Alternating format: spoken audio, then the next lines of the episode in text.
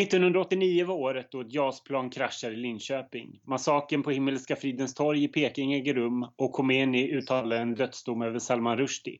Roxette toppar USA-listan med The Look och Christer Pettersson hinner både fällas och frias för Palmemordet. Och så faller Berlinmuren under senhösten.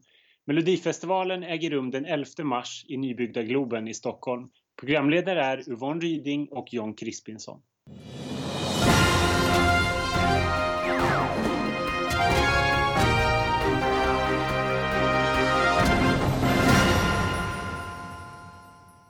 Hej allihopa och välkomna till ett nytt avsnitt av QX Schlagerprofilernas podcast. Denna podcast där vi går igenom en eh, melodifestivalfinal eller deltävling per program faktiskt. Och de som gör det, det är alltså QX Schlagerprofilerna som är jag som heter Ken Olausson och Ronny Larsson som heter Ronny Larsson.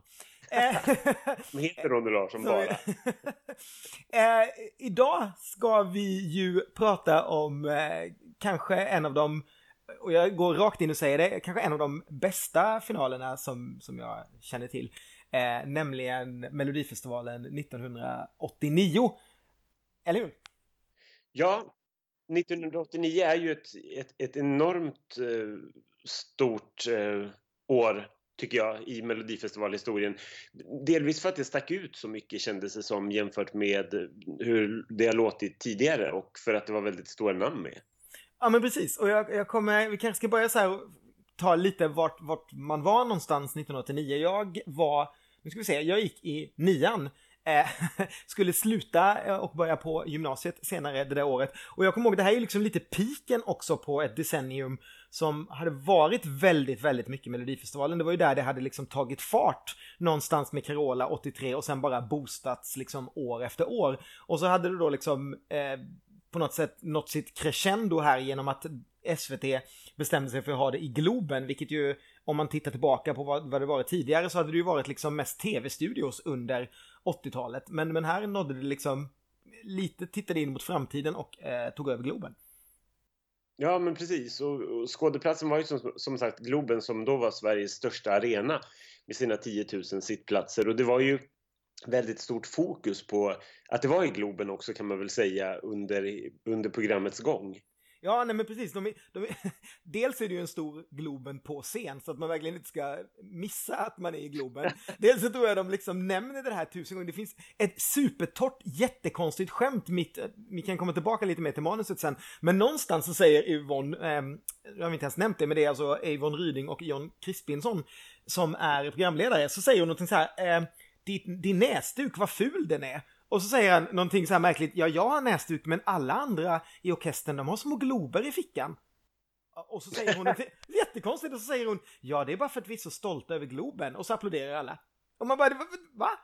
Jättekonstigt. Men, men man, om, man, om man landar i liksom vad Sverige var 89 så det här är väl ett av våra första så här nationella skrytbyggen. Jag kommer ihåg att folk var så, eller hela Sverige var så otroligt stolt över den här kulan och eh, kanske lite är fortfarande för den var ju liksom ett stort landmärke, inte bara i Stockholm utan också liksom för hela Sverige.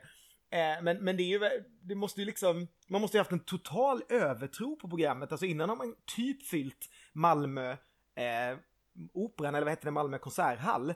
Och sen året efter så bara, nu tar vi in 10 000 pers. Och det lyckas man ju inte med, för tittar man noga då i början när de kör så här strålkastare och hela, så är det ju supertomt liksom på, på en del av läktarna. Så sen när, man, när de kör publikbilder under programmet, då försöker de liksom mörka halva Globen så att det liksom, de bara liksom filmar på parkett där det då är är ganska fullt.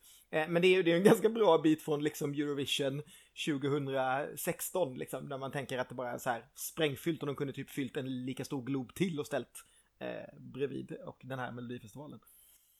Ja, det är helt sjukt att, att, att det är samma arena. Det tänker man ju verkligen inte på.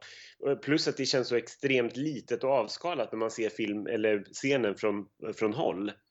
Ja men precis, alltså, scenen är ju liksom också, alltså det, det är ju som ett stort lakan som de har ljus på och sen då den här halvuppblåsbara globen, eller vad det nu är, det är som en halvglob som de liksom snurrar på, är den stora effekten. Antingen har man liksom en, en utbuktande glob eller också har man en platt rund cirkel, det är de två man kan välja på när man kör de här eh, numren. Men eh, också då en, en sak mer med Globen är ju vykorten. De är ju liksom bara där för att visa Globen, vilket alltså sig, det är inte jättekul att se folk som står i en hiss eller i en trappa. Eller liksom, det, det är ju så här random in i en arena. Det är inte direkt liksom, gud vad flashigt det ser ut i Globen, utan det är så här, här har vi en betongramp. Ja, här, här står någon och här står någon i en hiss. De är ju väldigt, de är ju väldigt, att det känns som att de har gjort det i sista sekunden. Det är ju bara fokus på, på artisterna. I vissa år har man ju tidigare, eh, eller senare får man väl säga, fokuserat på låtskrivarna lite mer. Men här är det ju verkligen bara artisterna som flimrar förbi och säger att, som Lisa Nilsson kommer springande och bara att hon har glömt scenkläder och allting och allting är helt förstört. Men hon är inte ett dugg nervös. melodi nummer sju, du.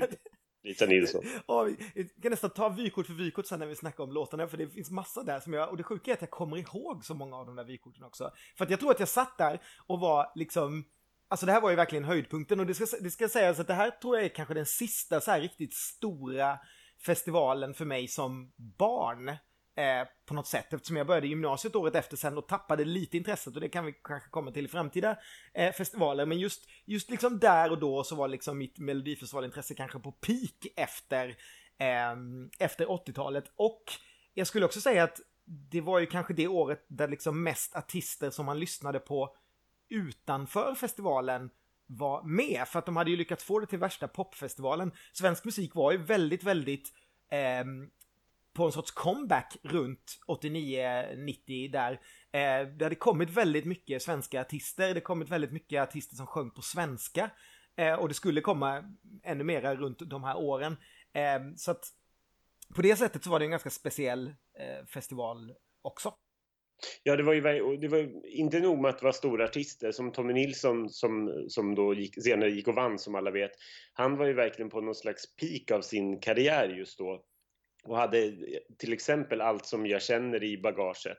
Eh, duetten med Tone Norum som är en av de stora svenska klassikerna och eh, Norell, eh, Oson och Bard som ligger bakom vinnarlåten då också var ju också på någon slags peak av sin karriär då de skrev låtar till massor med stora svenska artister just. De hade, de hade till exempel Elio Susi som också dyker upp i festivalen det här året.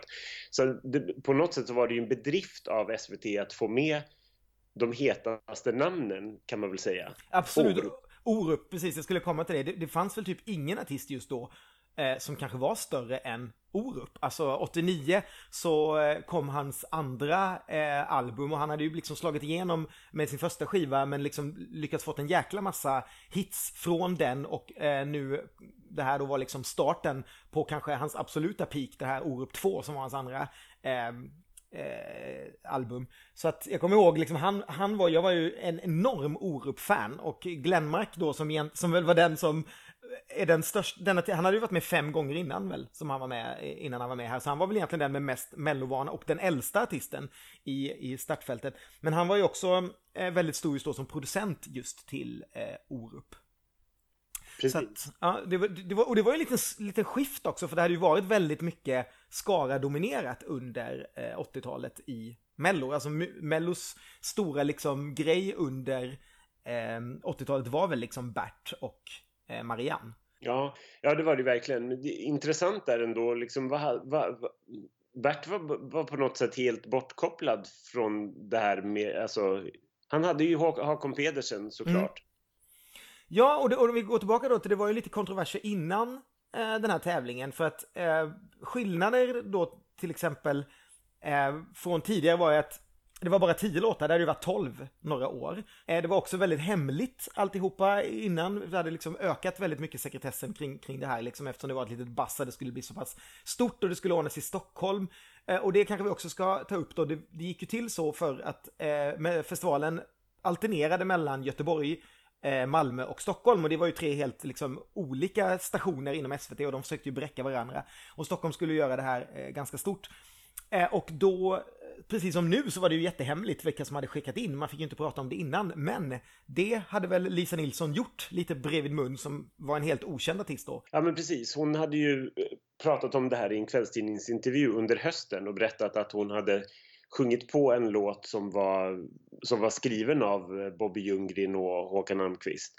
Eh, och det fick man ju såklart inte göra. Så att eh, den diskades ju. Men sen kom, den diskades ju till och med så den plockades bort. Och det plockades till och med in en ersättare vilket var ganska roligt att det var Arja Saijonmaa som var, som var ersättaren med en låt som heter Samma himmel, samma sol. Som var skriven av Ingela Pling och Lasse Holm.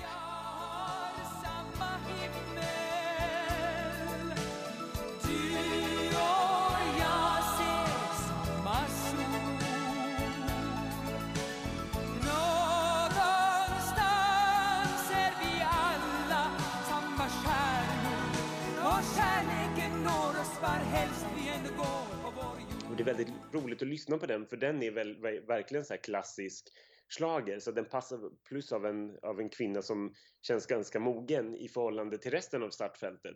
Så det skulle kännas väl, verkligen jättemärkligt att plocka in Arja Saijonmaa mitt i alltihopa i det här pop, den här popfestivalen. Eh, men det visade sig ju sen att massor med artister hade pratat om det här vid sidan om så det, då fick Arja Saijonmaa ta ett kliv tillbaka och så kom Lisa Nilsson med igen och sen så fortsatte man precis som man hade gjort så att det blev det här startfältet i alla fall. För Sven Melander som då var chef för SVT Nöje bestämde att det skulle bara vara tio låtar i festivalen. Det fick absolut inte vara flera. och det måste jag säga faktiskt, när, vi har ju sett en hel del festivaler nu inför den här eh, programserien och jag måste säga att det känns ganska skönt att titta på 1989 för det är liksom 90 minuter, det är ett ganska rappt program Eh, och det känns, det känns ganska härligt på något sätt i, i jämförelse med de här extremt långdragna sakerna som, som det känns nu efteråt när man tittar. Jag upplevde det inte så då när jag var där på 80-talet. Men när man tittar nu och det är liksom, okej okay, det är 12 låtar men de håller på i typ så här tre timmar med 12 låtar. Här är det ganska rappt liksom. Det är, det är de här 10 låtarna och så röstar man på allihopa, alla får poäng och så vinner en. Jag tycker att det är, mm. ganska, det, det är ganska nice liksom programformat eh, på det hela också. Jo, men det tycker jag också. Det, jag tycker bara att det är ett roligt citat som jag har läst på flera olika platser.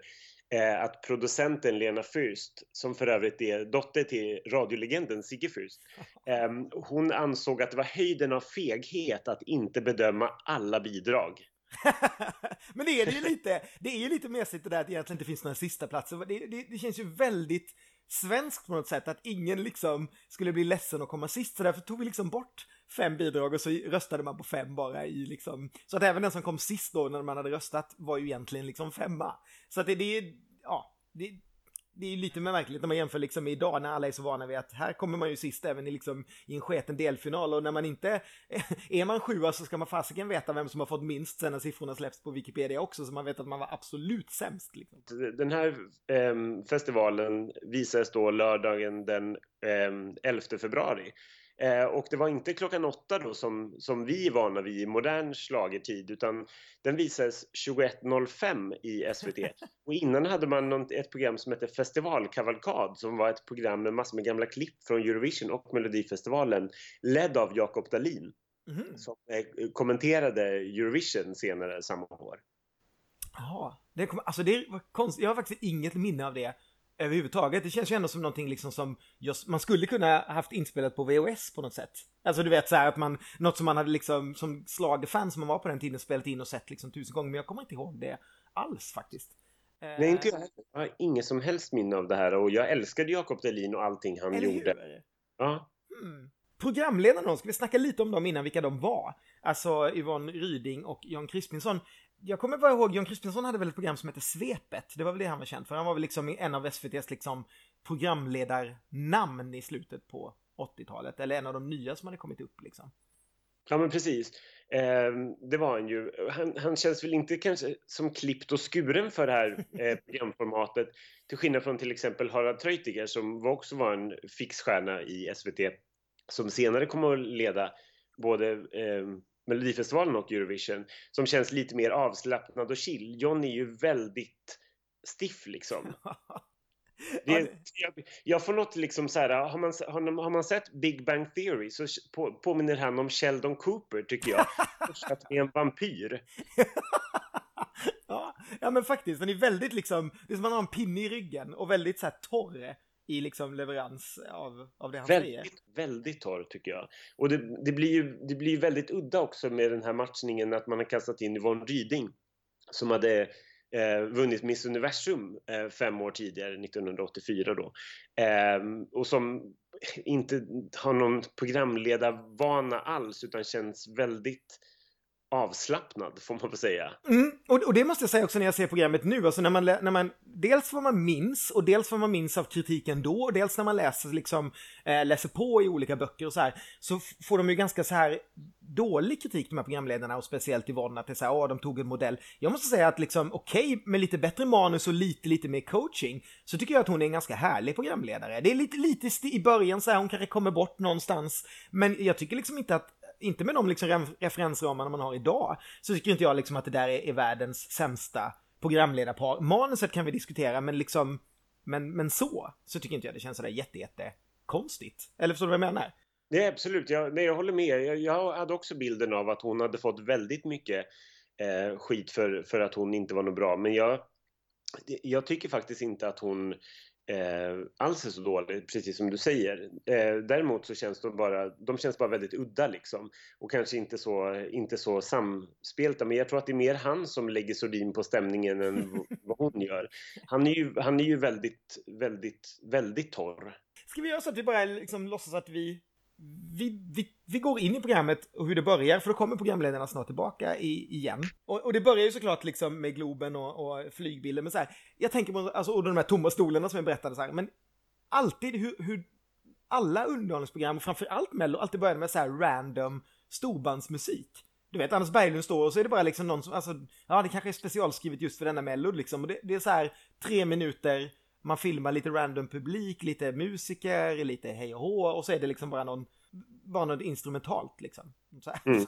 Jätte, jättekonstigt. Och också, jag tänker alltid på liksom Anders Berglund, han var ju liksom, han måste ju på något sätt vara Christer Björkman of the 80s, alltså människan som alltid dyker upp fast han kanske inte egentligen har någon funktion i själva nu har ju Anders en funktion i programmet, men du vet så här, det är liksom den som är den röda tråden mellan varje år. Även om det liksom, du vet, är nya programledare, nya format, nya artister, så har vi alltid Anders Berglund där på något sätt som är liksom, ja, nu vet vi att det är Mello, för här står Anders Berglund och säger typ kvällens programledare, eller du vet, nå någonting sånt. Ja, men precis. Han dyker alltid upp på ett eller annat sätt. Det är konstigt att Christer Björkman får så mycket skit för att han dök upp i rutan för mycket, men Anders Berglund kunde dyka upp hur mycket som helst, men han var bara en härlig kille som ledde orkestern. precis så precis så. Ja, och så dyker programledarna upp och pratar lite och det roliga är att när, när liksom John, John Crispinson drar, eh, drar alla reglerna så står liksom, så har liksom Yvonne fått repliken typ Åh vad duktig du är John, så där skulle jag aldrig klara av att komma ihåg och man bara mm, ja.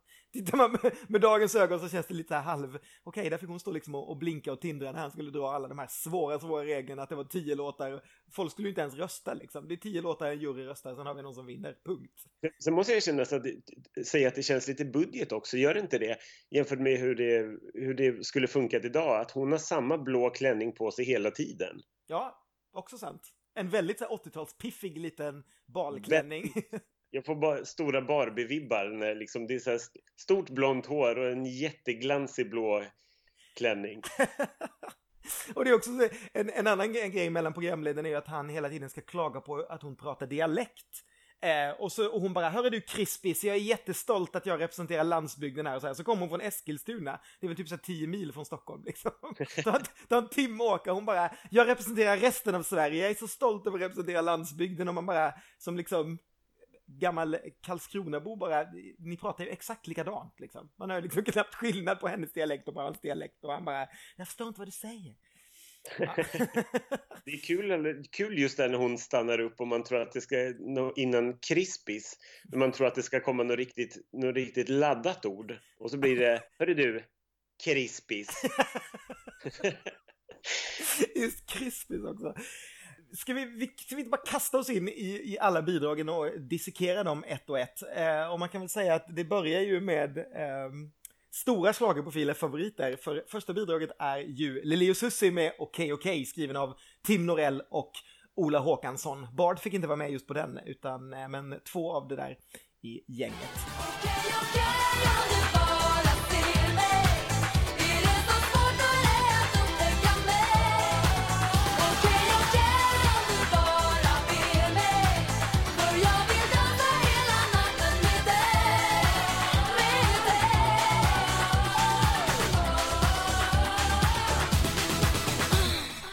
Vad kände du där? Kan vi bara köra så?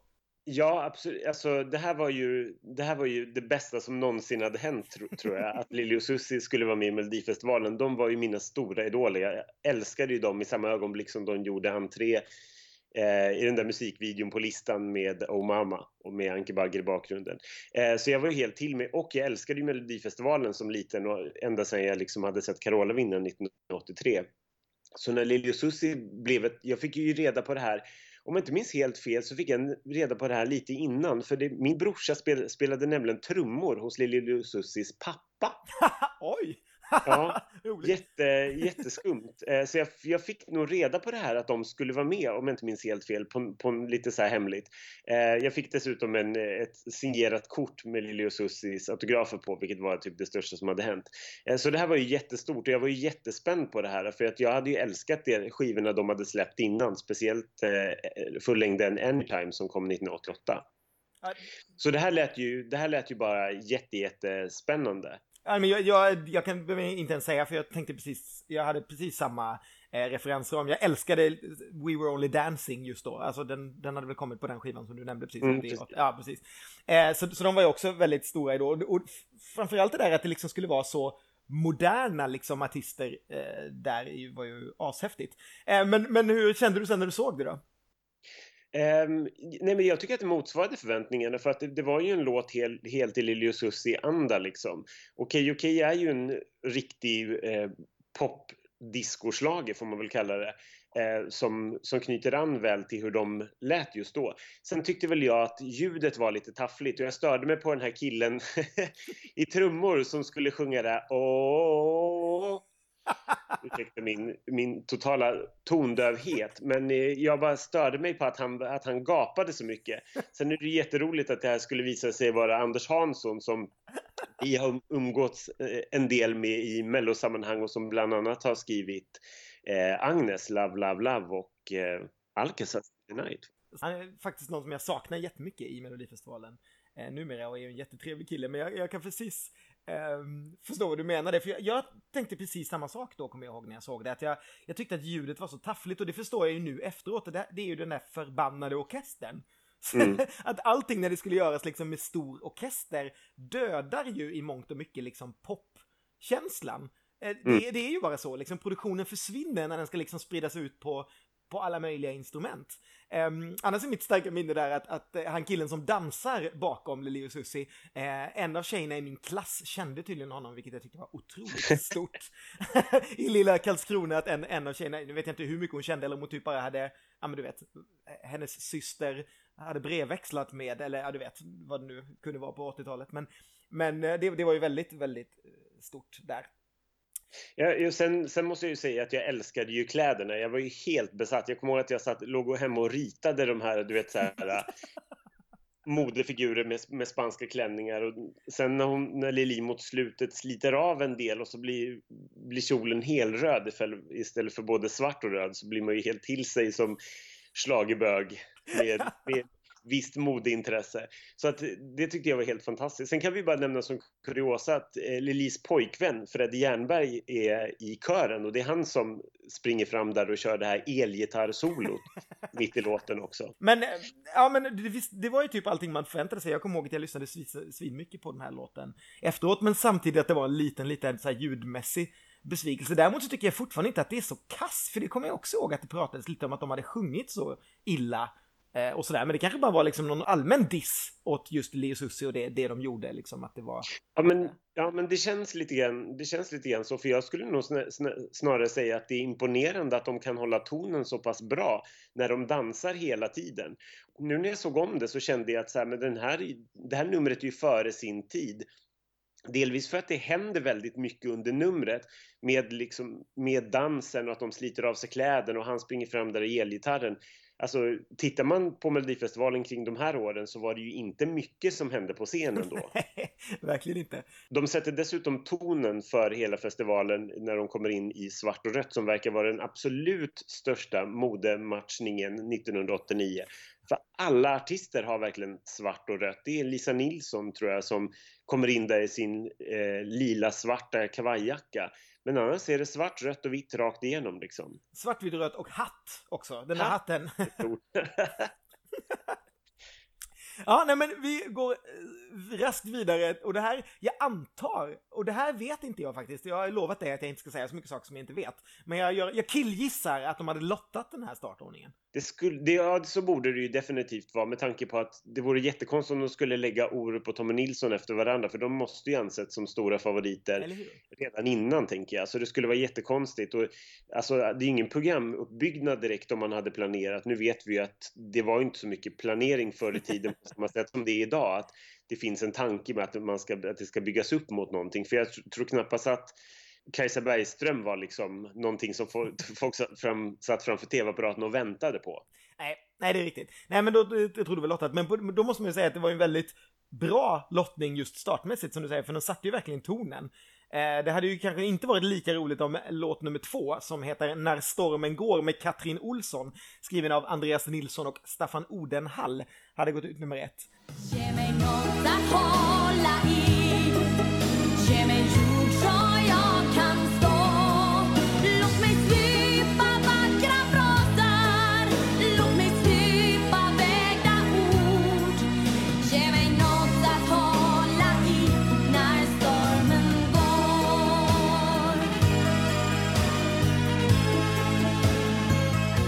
säga att det här, det här är en av de låtarna, alltså om de skulle säga att det har varit med en låt som heter sådär så skulle jag ju komma ihåg det, men det är inte en av låtarna som jag skulle kunna dratt igång och börjat sjunga på om inte eh, jag hade sett om det här. Nej, det, samma här. Jag, jag kommer ju ihåg den här, för jag, alla de här melodifestivalåren har ju satt sig och man har sett dem om och om igen. Så att jag, jag kommer ihåg det här ganska bra, men jag tyckte nog att låten var lite bättre nu. Det är en väldigt klassisk schlagerballad.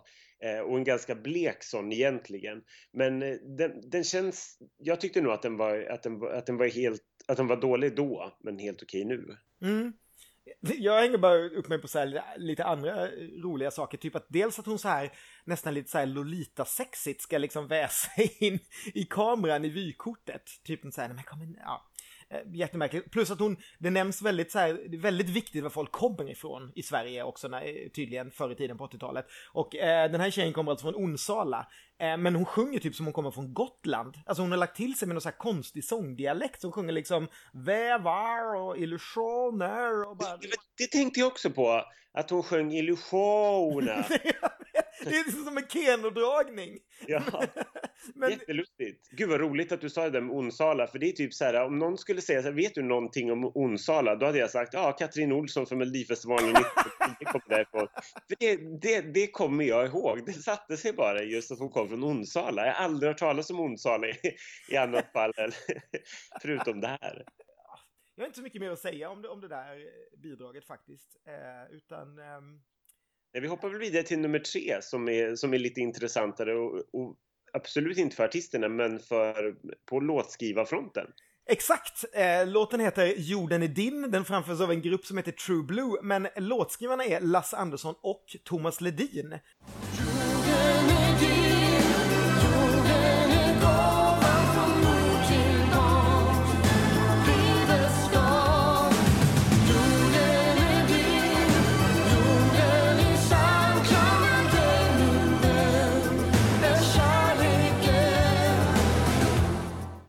Det här är väl då killgissning igen, men det är väl sista gången Thomas Ledin eh, förekommer som låtskrivare i Melodifestivalen fram till i alla fall när det här spelas in 2018. Det, Thomas Ledin var ju inte direkt på piken av sin karriär 1989 men det skulle ju ändras året efter då han fick en brottarhit med En del av ditt hjärta och eh, framförallt skivan Tillfälligheternas spel som, som är en svensk klassiker. Mm. Jag vet inte, ser man honom i Green Room? Är han där? Jag kommer inte ihåg det ens. Eh, nu när jag tittade.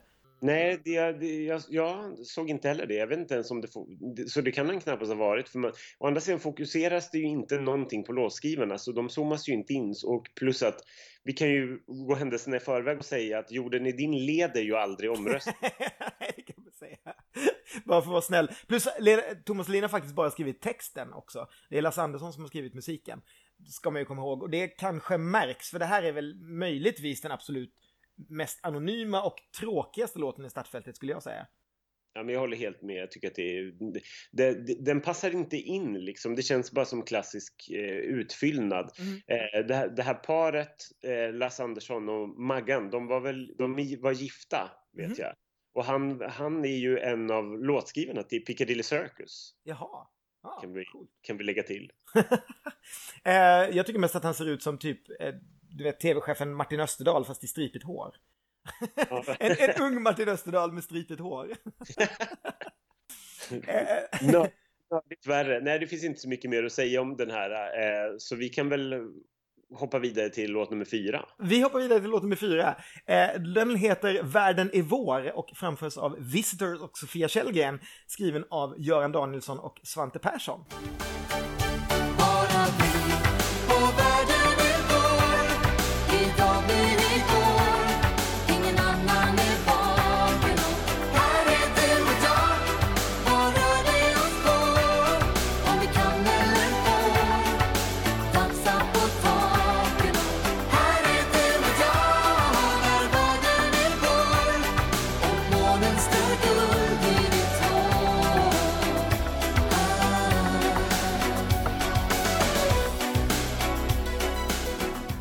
Sofia Källgren, där har du någon, det kommer jag däremot ihåg att hon är från Partille. Det har liksom, det var, det, det satte sig, det skulle jag kunna liksom bli väckt mitt i natten och veta vart Sofia Källgren kommer ifrån. Det är så konstigt, men den sitter stenhårt hos mig liksom. Ja, men det är, det är sant faktiskt. Och det, det, här, det här känns som en väldigt märklig matchning. Om jag inte minns, det, om jag inte minns fel så, så är det väl så att eh, Visitors hade, hade fått med den här låten och Sofia Källgren var väl superaktuell inför Melodifestivalen ett par år för jag vet att eh, det var väl Bert som ville ha med henne. Mm. Nej men vet du vad, jag, jag kommer faktiskt ihåg att det gick ett program eh, efteråt sen. Eh, man har nämligen gjort en dokumentär om Sofia Källgren när man hade följt hennes väg till Melodifestivalen.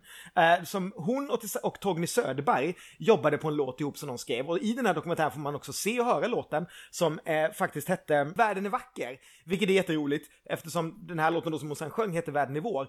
Och i det här programmet ser man också liksom hur de jobbar och skickar in och, för, på något sätt kanske tog för givet att den skulle komma med för Batch, liksom Batch nästa artist kom ju alltid med och så kommer inte låten med. Och det, jag, kommer, jag kommer ihåg det så tydligt den här dokumentären och liksom att det slutar liksom till halv, men sen då, och jag antar att man jobbade ihjäl sig på alla nivåer, säkert även från SVT om man nu lagt pengar på den här dokumentären, för att få med henne för det skulle komma liksom ett slut. Och då eh, ringer då liksom eh, Torgny till Sofia i, i den här dokumentären och säger ah, Visitors har fått med en låt och den heter nästan som vår, den heter Världen i vår och bla bla bla och de vill ha någon som, som är med där och så kommer hon med. Och det är som du säger, det är en jättekonstig eh, pairing för Visitors var ju hyfsat, hyfsat kända eh, då när det begav sig. De hade ju haft några hits där i slutet mellan, mellan 86 och eh, 88, eh, typ One Way Ticket mm. och bland annat och, och lite sådär. Men, men att de då liksom kopplar ihop sig med den här slag, är lite halvlustigt.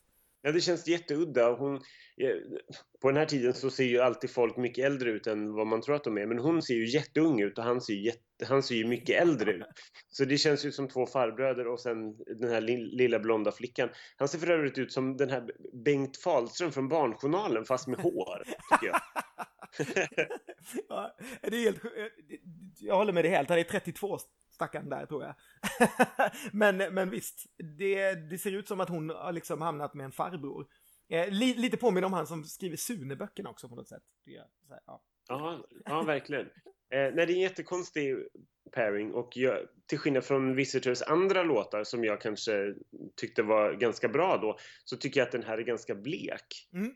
Jag håller med dig. Den sticker inte ut direkt och jag, för, jag, förstår väl besvikelsen där att världen är vacker. Inte för att det är en fantastisk låt heller. Den finns för övrigt också släppt så att man kan lyssna på den. Men eh, så känns det som att man, man slösar bort Sofia Källgren, alltså hela grejen med att kasta in henne här tycker jag. För då hade man, hon, hon dök ju upp i festivalen senare som vi vet, 1990. Men jag tycker det är konstigt att man, att man slösar bort hennes stora debut på det här sättet. Var det så viktigt att få med Sofia Källgren? Ja, det måste ju varit det. det. Det, måste ju varit så att det var liksom någon sorts prestigegrej från Torgny och dem. Jag vet inte om det var då, eh, för, för Torgny Söderberg och Lasse Holm hade ju liksom varit de som levererat låtar åt Marianne och fått med massa låtar under hela 80-talet. Men sen vet jag att det var någon sorts schism i slutet och de bröt sig loss och, och skapade ett eget skivbolag parallellt då bort ifrån Bert. Och jag vet inte om detta var liksom eh, bland det första där så att det var väldigt viktigt för dem att få med Sofia Källgren eller om det var den här eh, dokumentären då som sagt som hade gjort så att man tyckte att man behövde bara få ett bättre slut på det och det här var ju ändå SVT alltihopa. Eh, mm. Det fanns ju liksom bara SVT i stort sett. Eh, Så ja, det kanske var därför, men jag kan hålla med dig. Och också det att Visters såklart eh, också bidrar till att vara liksom ett, ett känt och ungt namn. Men det här är ju verkligen en grupp som har liksom sin storhetid bakom sig märker man ju här. Att de har börjat svänga in lite på något spår som kanske inte är så eh, jättekul. Så att även om jag tycker att det är okej okay, så är det liksom lite mesigt. Mm. Men jag måste leta upp Världen är vacker, för den har jag inte hört på hur länge som helst. Finns den alltså utgiven någonstans? Med, med Sofia Källgren eller? Ja, den finns utgiven. Jag, jag vet att jag, har, jag hittade den för att jag hade ju läst om det här jättemycket och jag läste om, den, om Berts besvikelse över att den här låten aldrig kom med. Så jag var ju jättenyfiken på den här, men jag, jag, hittade den. Nu vet jag inte om den finns på Spotify, det ska jag lämna osagt. Men däremot så fin, den finns utgiven i alla fall, för att jag har den någonstans i mina gömmor. Mm. Eh, så den, den kan jag spela upp för dig när vi ses nästa gång. vad härligt!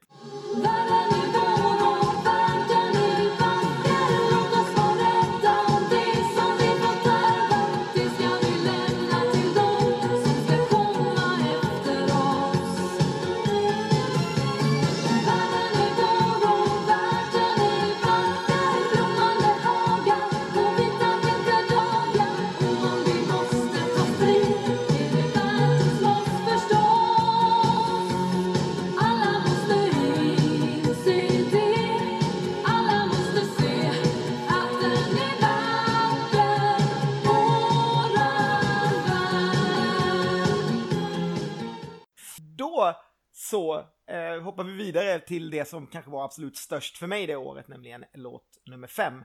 Eh, upp över mina öron, Eriksson Glenmark och skriven då av Orup och eh, eh Anders Glenmark. Upp över mina öron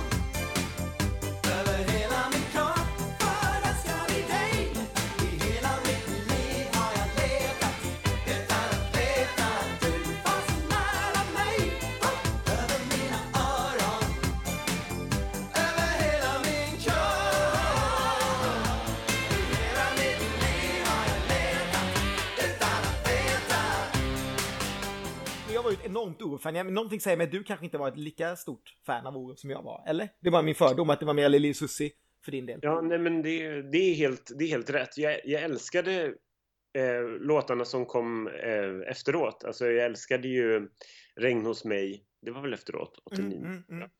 Ja, eh, Regn hos mig och Då står pojkarna på rad som jag tycker var en fantastisk popslager. Men den här låten gillade jag aldrig och jag var inte förtjust i den här kopplingen eller ihopkopplingen med Glenmark och Orup. Jag tyckte det bara kändes tråkigt. Eh, och jag, jag gillar inte låten fortfarande. Jag tycker att den är ganska, ganska tråkig. Så att jag, det här har aldrig varit någon, någon favorit för mig. Så jag förstod aldrig att den här var liksom nära att vinna. Det, och jag är så lättad att den inte gjorde det. jag, jag, var, alltså jag, var ju, jag var ju liksom ett sånt enormt ordfan så det var liksom lite fånigt. Jag gick ju verkligen runt med väst och hatt, ska vi komma ihåg. Alltså, det, är, det är verkligen precis så var det. Jag köpte en hatt eh, som jag hittade på någon typ någon sån här second hand liksom i Karlskrona och, och typ väst, alltså väst hade jag hela tiden 89, liksom västar i olika liksom mockaväst och mönstrad väst och bla bla. Jag var liksom, jag ville verkligen bara vara Orup, så jag älskade ju det här. Det var ju liksom, för mig var ju typ det här den bästa eh, mellolåten någonsin då, alltså när den kom. Det var liksom, jag tyckte det så. Och sen nu när jag tittar på det efteråt så måste jag säga att det här är liksom inte, alltså titta på dem, de är liksom så säkra på att de ska vinna det här. De är så inne i sin egen grej, publiken liksom skriker nästan redan när, när de presenterar liksom att Orup ska komma, så man märker ju liksom hur stort, och framförallt kanske i Stockholm liksom det här är. Och de, mm. alltså, de bara kör och du vet det är så här, det är, det är så här, oh, hey, oh! Det är liksom ljud hit och dit och det är eh, och det är liksom, ja men du vet, och det, alltså, det ser så självgott och övertaggat ut nu när jag ser det efteråt så jag inte riktigt förstår, men då var det så här precis allting jag ville ha. Jag bara, mm. ah! Upp mina öron. Vad passande ändå att, att du i slutändan i, hamnade på västkusten. Glenmark var ju för övrigt en äldsta i, i det året, så han var redan 35 då när han eh, körde uppe mina öron. Eh, och som sagt, det var ju han som hade proddat och sen skulle prodda en hel massa av eh, de svenska artisterna som skulle bli jättestora där runt eh, 90-talet. Framförallt väl Eva Dahlgren var väl hans verk också om jag inte minns Ja, just det, precis. Mm. Eh, man, man, vi kan väl också tillägga att året, det var ju, han hade väl inte haft så stora hits på egen hand, Nej. eh, Glenmark, utan han var väl mest känd som producent och som ena halvan i Gemini. Ja, exakt. Gemini var ju det som hade varit stort och sen så hade han ju, om man, om man tittar bakåt i liksom slager mellohistorien på 70-talet och sådär, så var ju han med eh, ganska mycket och, och liksom körde sologrejer och tillsammans med sin familj och, och lite i Glenmarks. Eh, men här hade han ju också liksom en liten lårperiod, men den, det skulle ju också ändras med blommor i sitt hår och så vidare som skulle dyka upp strax eh, efter det här. Um, ja, nej men vad, ska vi... Uh, jag, jag kommer, tycker också det är roligt att typ man märker att Yvonne Ryding också är liksom ett enormt orfan och bara där ligger du i lä Jonte, liksom det här är, det här är Sveriges bäst klädde man, bla bla bla, bara han liksom- liksom Det var många därefter. smeknamn hon hittade på längs programmet. Det var Jonte och Crispis och allt möjligt. Men det var ju det var ju ganska kul ändå med, med Anders Glenmark då att han äntligen fick eh, eh, placeras, fick sin bästa placering efter de här fem eh, tidigare deltagandena som han, då han hade varit med 73, 74, 75, 81 och 84. Eh, så det var ju det var jättekul. Tre stycken fjärdeplatser Mm. faktiskt. En sjätteplats och en åttonde plats. Eh, så det var, ju, det var ju kul för honom att han på något sätt fick eh, plats, men, men det, nådde ju aldrig ända fram får man väl tillägga. Nej, det, det gjorde inte. Det var nära, men eh, ingen close but no cigar säger vi för Anders eh, nej, men, men också, alltså jag måste säga att för att vara, för att vara ett liksom sånt enormt fan av den här låten så är det liksom inte någon låt jag plockar fram idag och inte, absolut inte ens om jag liksom ska lyssna på Orup. Utan då är det ju de låtarna som kom sen på den skivan som du nämnde innan, typ Regn hos mig och Pojkarna på rad och, och kanske de liksom som, som var på, på första skivan. Eh, men, men absolut inte den här, utan den, den räknar jag väl, det är lite nästan som, som med The Ark på något sätt, där jag också var en enorm fan, att just mellolåten gillade jag då och där, men nu kan så här efteråt se att det kanske inte riktigt är eh, så kul. Nej, precis. Ja, men vi kan väl hoppa vidare till, eh, till låten som kom att eh, klå eh, Eriksson och Glenmark på, på sluttampen. Absolut. Melodi nummer 6, En dag med Tommy Nilsson. Och den är skriven av Tim Norell, Ola Håkansson och Alexander Bard. En dag när vindarna bär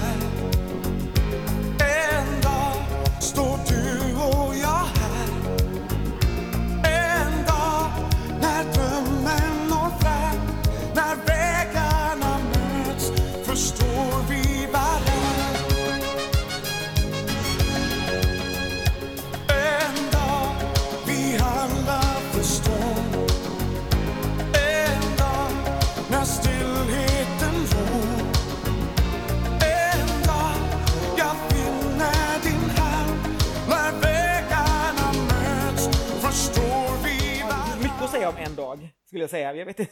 Det, det, jag måste, det, redan i början när Tommy Nilsson presenteras så är det en av de mest märkliga grejerna i hela manuset tycker jag. Då säger liksom Yvonne Ryding så här. Det här är Tommy Nilsson. Han är 28 år och så börjar alla applådera. Men spara applåderna för det är inte bara det. Tommy fyller år idag. 29 år. Om man bara, men då är han väl inte 28 år om man fyller år idag och är 29 år. Så himla konstig grej. Varför säger det från början? Alltså den, den, hela den meningen är så himla märklig. Man bara, mhm. Okej, men, men det kommer ju sen att komma tillbaka på slutet för när Tommy vinner så får hon hela Globen att ställa sig upp och hurra för Tommy på slutet. Eh, kan jag säga.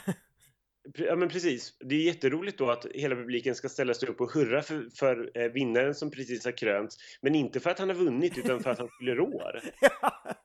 så sjukt. Och så sjukt att han är 29. Man bara, eh, jag vet inte, alla ser ju alltid liksom så mycket äldre ut. Eller om det var för att man själv var yngre och då tyckte att folk var så mycket äldre, jag vet inte. Just nu känns det liksom 29 som att man är superung när man är 29. Förut, förutom att jag tycker att det är en, vad jag tycker om låten, men det kan vi återkomma till. Men det mest spännande här tycker jag är ju kändiskören. Det tyckte jag ju då också. Jag var ju ett stort Anki Bagge-fan. Så att förutom att jag fick med Lili och Susie i festivalen så fick jag ju även med Anki Bagge på ett litet hörn här. Eh, och det är jätteintressant att man har plockat med eh, ett gäng artister som, som också var stora då liksom. Eh, Anki Bagger hade väl på gång, hon hade väl precis släppt eh, People Say It's In The Air och var väl känd mest egentligen som eh, Lili och Sussies eh, bakgrundsdanserska eh, som hade tagit ett kliv fram. Eh, men Jerry Williams var ju på någon slags eh, peak det här året också. Eh, Tom Ekman hade ju också, släppte ju också Hänger utanför din dörr det här året. Eh, sen var det väl Jean-Paul Wall, han kanske inte var super, superstor. Eh, och sen Victoria Benkert som faktiskt kallades för Victoria Benkert och inte Vicky Benkert som hon eh, kallades för när hon tävlade i Melodifestivalen ett par år tidigare. Eh, det här, var ju det här var ju jättespännande att man hade plockat ihop det här, eh, det här gänget liksom med eh, aktiva karriärer och hur, eh, hur skulle man lösa det här om låten gick och vann? För då skulle man ju tvingas skicka samma gäng till eh, Schweiz också. Och det var ett visst pyssel med det där om jag inte minns fel. Jag kommer ihåg att eh, Anki Bagge bland annat höll på att öva på sin kommande folkparksturné så hon hade med sig sina dansare ner till Schweiz. Eh, så de tränade på det här på rummet. Och då, det här är jätte, en jättebisak egentligen, men då kommer jag ihåg att någon av kvällstidningarna skrev att Eh, det gick rykten då om att hon hade så här orger med så här snygga dansare på, på nätterna. I, i sitt hotellrum just för att, eh, för att de bodde där på samma rum med massor med snygga Eh, vältränade dansare. Att det var så här att hon, den här eh, supervackra svenska sångerskan som med rådjursögon som hade ett harem av unga dansare med sig. Det var jättekonstigt. Men ja, det tyckte jag var jätteroligt i alla fall med den här kändiskören. Men det är en fantastisk låt. Det tycker vi, vi båda. Ja, absolut. Jag känner plötsligt bara en sån närhet till Anki Bagger med orger med dansare på, på hotellrum och sådär. Ja. eh, nej men absolut, alltså nu i efterhand så är du, alltså då så var jag ju jättearg såklart då efter att den här låten vann, med tanke på vad vi pratade om innan. Men nu så är ju det här utan tvekan skulle jag säga eh, en av de fem bästa bidragen vi har skickat eh, någonsin till Eurovision enligt mitt tycke. Det här är en låt som jag aldrig tröttnar på, som vi alltid spelar också när du och jag DJar ihop som sista låt. Den, det är, den håller liksom fortfarande, den är, den är liksom tidlös i sin i sin liksom balladighet. Jag, jag tycker den är otroligt bra. Eh, och sen var jag ju också, det, jag, jag var ju en stor style-fan. Så det, det var just då, jag vet inte det här var under, jag tror det här var när Style liksom var som störst. De hade ju varit stora i Mello 86-87. Men sen hade de ju försökt på sig en liten utlandskarriär med såhär Empty Bed eh, och grejer. Så att det, jag, var nog också, jag var nog mest fascinerad av, av eh, Tommy Ekman av alla de där skulle jag säga eh, i kändiskören. Eh, och av Ankis läderklänning. Gud, den är också, på tal om 80-talsmode, jädrar liksom. Den här konstiga slimmade grejen, liksom, hon ser ut som ett, ett timglas i läder på något sätt. Eh, och alla håren, jävlar, alltså Tommys hår och Ankis hår bara... Ja, det är, väldigt, det är väldigt mycket hår. Det är väldigt roligt också eh, att se kören in action för att de går verkligen in för det till 190 procent verkligen. det liksom, de tar i från tårna. Det är ju en låt som kräver ganska mycket feeling, vilket jag tycker är ganska skönt att se. För liksom de här fem sångerna, de håller inte tillbaka någonting. Men det är, det är väldigt skönt också för det är ingen som på något sätt tar över, tycker jag, som liksom förstör låten. För det kan lätt bli så mm. när liksom fem stycken solartister ska försöka skina bakom en eh, stor artist. Eller hur? Ja, jag håller med helt. Det är, inget, det är inget man har sett efteråt heller. Alltså man tänker ju så här att saker som har framgångar brukar ju ändå på något sätt komma tillbaka. Och vi har väl inte, det har inte varit en kändiskör sen dess. Någon borde man ju tyckt kunde tryckt ihop det nu när det liksom har varit 32 bidrag eller ja, slash 28 så många år i rad. Att man någon hade tänkt till att okej, okay, här har vi några som, men, men det förekommer ju inte överhuvudtaget längre liksom. Med mycket jo, Vad har du hittat någon nu? Har jag glömt någon? nej, alltså, det, man kan, nej det, det, stämmer väl ganska bra, men man kan väl nästan säga att Nick Borgen upprepade det här konceptet när han plockade med friidrottsstjärnorna eh, 1993. Ja, nej, men det, ja, det är sant. Det är, det är väl lite så. Ehm, men det, sångare då, tänker jag mer. men det, där, det, det, det, finns ju en poäng där, att han, han varierade lite konceptet och ganska i närtid efter 89. Men, men nu för tiden så är det ju väldigt länge sedan. Ja, absolut. Jag, jag, jag vet inte om jag är helt nöjd med att du inte alltså kallar Erika och Frida Johansson och Maria Klaka för sångerskor. Alltså. Jag kommer berätta allt om det när vi kommer till 1993. ja, nej, det, är en, det är en riktigt bra låt. Jag håller helt med dig om att den, är, att den känns tidlös. Och precis som många andra vinnare under de här åren så var det ju aldrig min, min absoluta favorit som vann. Men jag hade aldrig några stora problem med vinnaren ska jag väl säga. Eh, under, under väldigt lång tid. Utan det, det känns som så här, min mellohistoria i stort, att min absoluta favorit vinner väldigt, väldigt sällan. Eh, istället så blir det någon låt som jag tycker är bra. Mm. I alla fall. Så att jag, jag var helt nöjd med det här och tyckte att det kändes som en bra låt att skicka. Ja, det var ju, alltså när vi väl sen kom till Schweiz var jag, hade jag ju hamnat på det där tåget, för då hade väl liksom min hjärna registrerat hur bra låt det var. Jag tror bara att jag hade lite svårt för Tommy Nilsson, alltså hela hans eh, rocksångarbakgrund och allt det där liksom. När jag, och just då att jag var sån extrem Orup-fan. Eh, och, och det liksom efteråt sen också var väldigt mycket snack om hur besviken Orup var, hur arg han var så där. Då var jag ju tvungen såklart att hålla med honom och hänga på det tåget liksom. Men, men som sagt, nu det är det är ju kanske en av de största pudlarna någonsin liksom. Det är en sån tur att den låten vann och det gick ju också väldigt, väldigt bra. Det är ju en av våra största framgångar i, eh, i Eurovision. Mm. En fjärde plats blev det kan vi kan vi, kan vi, kan vi avslöja redan nu. Um, ja, men vi, vi kommer kanske prata lite till när, vi, när den så småningom vinner. Vi går vidare till låt nummer sju. Uh, och det här är ju ganska kul för att liksom Orup, Glenmark, Tommy Nilsson och här hittar vi Lisa Nilsson eh, med låten Du, parentes öppna min värld, en skriven av Bobby Ljunggren, Håkan Almqvist och Ingela Pling Forsman.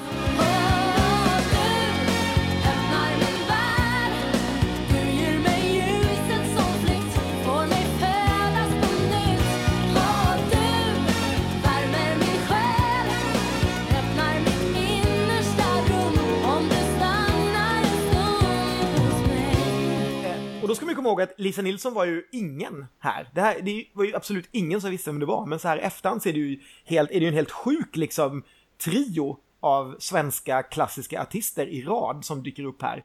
Eh, mm. Men där var det ju helt nytt och man hade ingen aning om vem hon var och jag tror inte att jag sådär superregistrerad. Jag tror att jag, just för eftersom det här bråket eller så hade varit innan så hade man väl lite registrerat lite med vem, att det skulle vara med en Lisa Nilsson och sådär.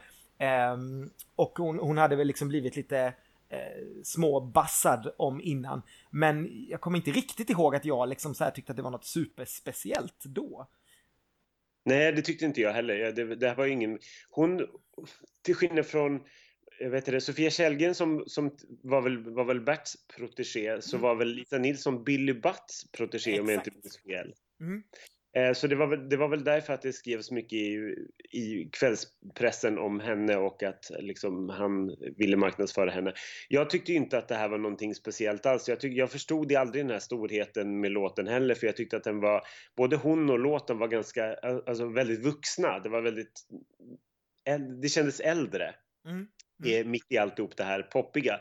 Sen har jag nog kanske kommit att gilla låten en, bra mycket mer nu på senare år. Liksom. Eh, men det är väldigt roligt att, att se henne på scen. Hon har ju inte så mycket erfarenhet eh, på det sättet kan man väl säga. Och den stora chocken är att hon har flats! Att hon inte har Hur vågar hon? En kvinna på en schlagerscen. Med tanke på att hon sen också har varit skådis så kan man ju inte tro det är det där vykortet du pratade om innan när hon ska låtsas vara nervös. Det, det kanske är det liksom det mest cringe, cringe-ögonblicket i, eh, i, under hela kvällen. Um, Bobby Ljunggren också, det var här ju ett av hans tidigare bidrag, det tredje tror jag till och med. Ja men precis, han, hade ju, han kom trea på första försöket med När morgonstjärnan stjärnan brinner med Cindy Peters och sen så kom han ju tvåa med en riktig Ronny-favorit året innan, om igen med Lena Philipsson. Så det här var väl kanske hans tanke om att han skulle liksom knipa stegen på tredje försöket men det, så blev det ju inte riktigt. Det är ju, alltså, om inte, även om jag inte minns det då så tycker jag nu att det är en, en faktiskt en riktig riktigt snygg låt. Så på något sätt är det lite konstigt att den kom bort. Men jag tror att hon kom bort lite i att det var så mycket andra stora namn och hela den här Tommy Nilsson mot Orup liksom grejen och så Lili och Susie på det. Då fanns det liksom inte riktigt plats för liksom det här enorma genombrottet. Och sen, hon stod ju liksom för någonting annat och skulle liksom bara något år eller vad det var, vad det är, några år senare kanske, när, när kom Himlen runt hörnet? 91 någonting eller? Nu är killgissar jag 92. 92. Um, och blir liksom typ en av Sveriges absolut största artister. Och det här är väl liksom, jag, har man hört henne sjunga den här låten någonting efteråt? Det här är väl liksom ingenting som hon kanske går runt och skryter vitt och brett om att hon var med eller? Nej, det, det tror jag faktiskt inte. Eh, på något sätt så blir, blir det väl någon liten sån här Agnes-grej nästan. Mm, att man, mm. en stor artist dyker in i Melodifestivalen och man, man kommer knappt, många kommer, gemene man kommer inte ihåg att personen har varit med. Men det är ett enormt stort namn som, som man gärna nämner kanske. Mm. Ja, men det, det, Agnes är ju det är toppen, precis så är det ju. Det är faktiskt exakt samma sak på något sätt. Någon som är med precis innan sitt stora genombrott, att man inte riktigt förstår när de är med hur stort det Mm. är. Ehm, och så. Men en, en väldigt bra låt, eh, absolut. Då går vi vidare till låt nummer åtta. Eh, den heter Mitt ibland änglar, sjöngs av Fingerprints och den skrevs också av Orup och Glenmark.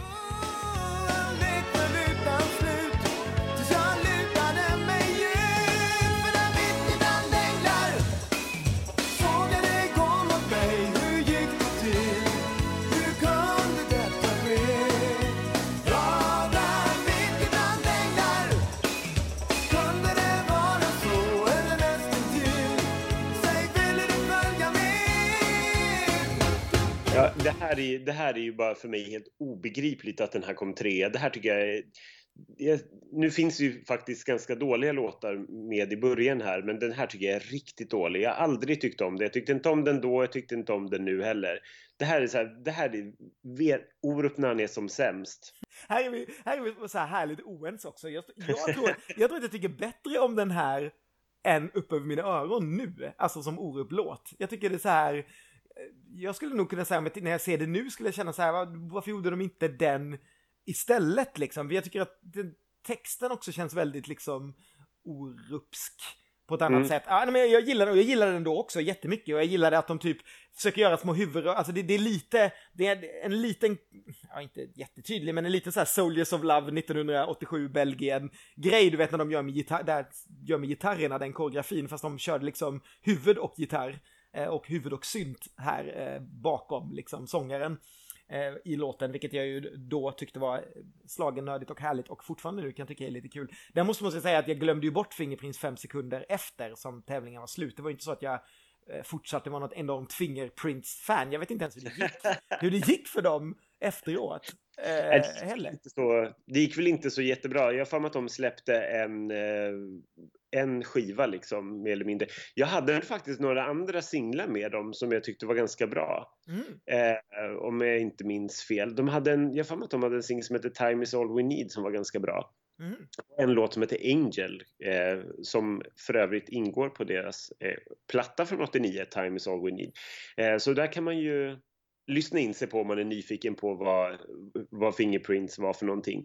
Eh, de gjorde ju låtar på engelska i vanliga fall så det här stack ju ut ganska mycket eh, med att de gjorde en låt på svenska. Mm. Eh, ja, och de, de fick antagligen bara den här för att de... För att eh, de, de, Orup hade fått med två låtar och någon behövde ta den då misstänker jag. Eh, för att han gjorde väl aldrig någonting mer till, till dem. Det fanns väl ingen direkt koppling där vad jag har förstått. Mer än att liksom, de var ett band som ville vara med i Mello och Eh, det fanns en låt över. Eftersom jag antar att Thomas, eller Orup och Glenmark hade skickat in flera bidrag för att komma med. Precis. På no och på något sätt så, för, så det är lite lustigt ändå för de tillhörde ju på något sätt fiendeläger för att hela den här sonettklanen eh, med Lili och Susie, alltså hela Norell Olsson Bard-grejen med Anke Bagger och Troll och det här. Eh, de gav ju ut den här julskivan där de gjorde, om du kommer ihåg den. Mm, ja, det Eh, gjorde jag. Ja, just det. Mm. Sjöng Jag tror mamma kyssa tomten som är med på massor med så här samlingsskivor kring jul och så. Eh, och då är ju faktiskt Fingerprints eh, med på den skivan också. Så jag tror Fingerprints tillhörde det här liksom, eh, det skivbolaget som gav ut den. Ah, okej. Hela, hela den grejen liksom. Det, var bara ett, det var bara ett litet sidospår. Nej, men jag tyckte, aldrig, jag tyckte aldrig att det här var speciellt kul. Jag tycker den är övercheck bara. Jag, blir så här, jag tycker det är så jobbigt. Mitt ibland änglar... tutturut, tutturut. jag gillar den lite fortfarande. Vi går vidare.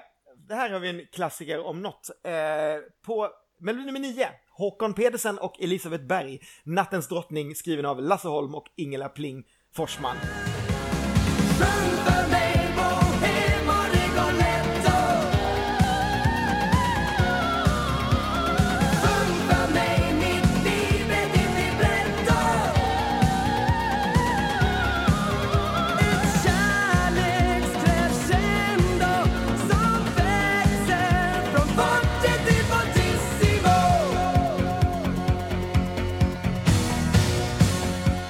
Kan det bli mer liksom slager eh, historia än det här.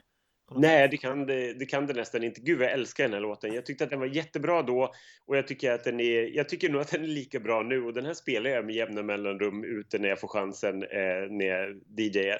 Jag tycker att det här är, det här är nästan schlagerperfektion i all sin knasighet liksom med den här eh, operasångerskan som kryddar allting eh, med lite operasång och en, eh, den här arian från Trollflöjten. Jag tycker bara att det är superhärligt verkligen. Här måste jag bara, också bara nämna en liten anekdot att jag jobbade på bio på eh, Södermalm i Stockholm under väldigt många år och en dag så kommer faktiskt Elisabeth Berg fram till mig i biljettluckan och ska köpa biljetter. Och jag, hade, jag fick någon så här att jag kände igen henne lite grann, men hon visade legitimation.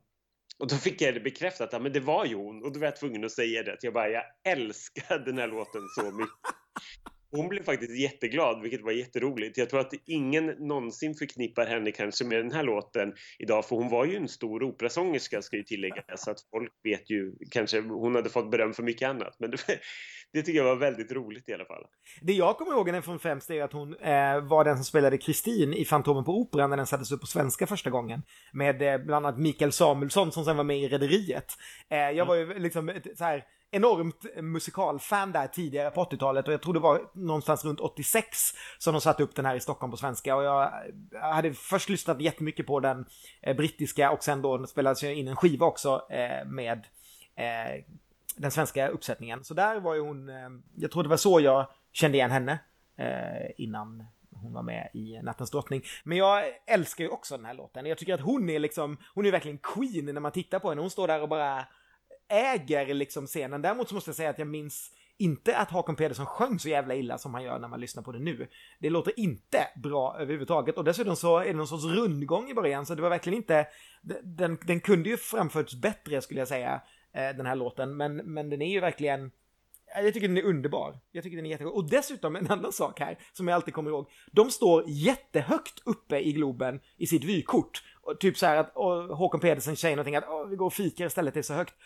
Varenda gång jag är i Globen försöker jag lista ut, fortfarande, alltså än idag, senast när vi var där liksom med, med Eurovision, försöker jag lista ut var i helvete de stod någonstans. Och jag har fortfarande inte fattat det. Förstår, alltså, man ser ju liksom, de är över den här jumbotronen som hänger i liksom taket som man ser hockey hockeyresultat på. Och jag fattar inte vart de står. En av Melodifestivalens absolut största mysterier för. Verkligen! Men det är så roligt att det sitter liksom det vykortet från sen 89 liksom. Så har den liksom, den grejen varit förknippad med Globen för mig. Att när jag kommer in så bara, hmm, var någonstans var det Håkon Pedersen och Elisabeth Berg stod?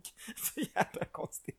Men eh, ja, en väldigt liksom härlig Lasse Holm-låt måste jag säga. En av de, en av de bättre eh, som han har gjort, eh, skulle jag säga. Och han har gjort ganska många klassiker. Det, jag, jag ska faktiskt eh, krypa tillbaka där lite grann och, och, och rätta till en grej som vi pratade om där med Elisabeth Berg. Det var faktiskt samma år, eh, 1989, som eh, vet det, Mikael Samuelsson och hon eh, hade premiär i eh, Fantomen på Operan, på Då, kan, då måste jag ju blanda ihop det här på något sätt. För, Ja. det, för det, det måste ju vara senare. Ja, det Ja. kan, ja då kan man snart I oktober 1989 så hade den premiär. Mikael Samuelsson som Fantomen och Elisabeth Berg som... Då skulle det kunna vara så att de kanske hade avslöjat att hon skulle vara Kristin, liksom innan att jag hade läst det någonstans och därför Precis. var ganska liksom pepp på, på det. Ehm, men, ehm, ja okej. Mm. Nej men det, det, det är ju det som, som hon väl kanske blir mest känd för sen då. Eh, som de Precis. flesta kommer ihåg det som, så inte... Där kan vi väl också slänga in en liten eh, schlageranekdot att samma, samma höst så släpptes ju den här eh, versionen av eh, Phantom of the Opera, den här popdisco-versionen med Sofia Källgren som vi har nämnt nu i eh, som är med i den här Melodifestivalen och Uffe Persson som var med 1988 och tävlade. Eh, lite roligt bara. Ja, den var ju ganska stor. Jag tror att det fortfarande är än idag när, man pratar om den svenska versionen så tror jag många tror att det var de som gjorde den på scen. För att det Ja. liksom, för den, den, den versionen blev ju liksom en hit eh, då. Precis. Mm. Mm. eh, Håkon Pedersen kom ju, eh, hade ju varit med året innan också. Eh, han var ju en av de återvändarna. Sen fick han aldrig komma tillbaka med va? Eller? Nej, Nej. Det, var, det, det blev de två åren. Det blev de två åren. Kanske på grund av sånginsatsen. Möjligen. Eh, också att jag inte kommer ihåg att norskan sken igenom så mycket som det gör när man lyssnar. Det är, det är mycket som jag inte är nöjd med med Håkon Pedersen när jag tittar på det här nu efteråt. Eh, däremot som sagt klassiker fortfarande när man lyssnar på den på, på skiva. Verkligen. Ehm, ett bidrag kvar då. Eh, sista bidraget eh, Eh, heter Genom eld och sjungs av Kajsa Bergström skriven av Ulf Söderberg. Genom eld, genom vind, genom vatten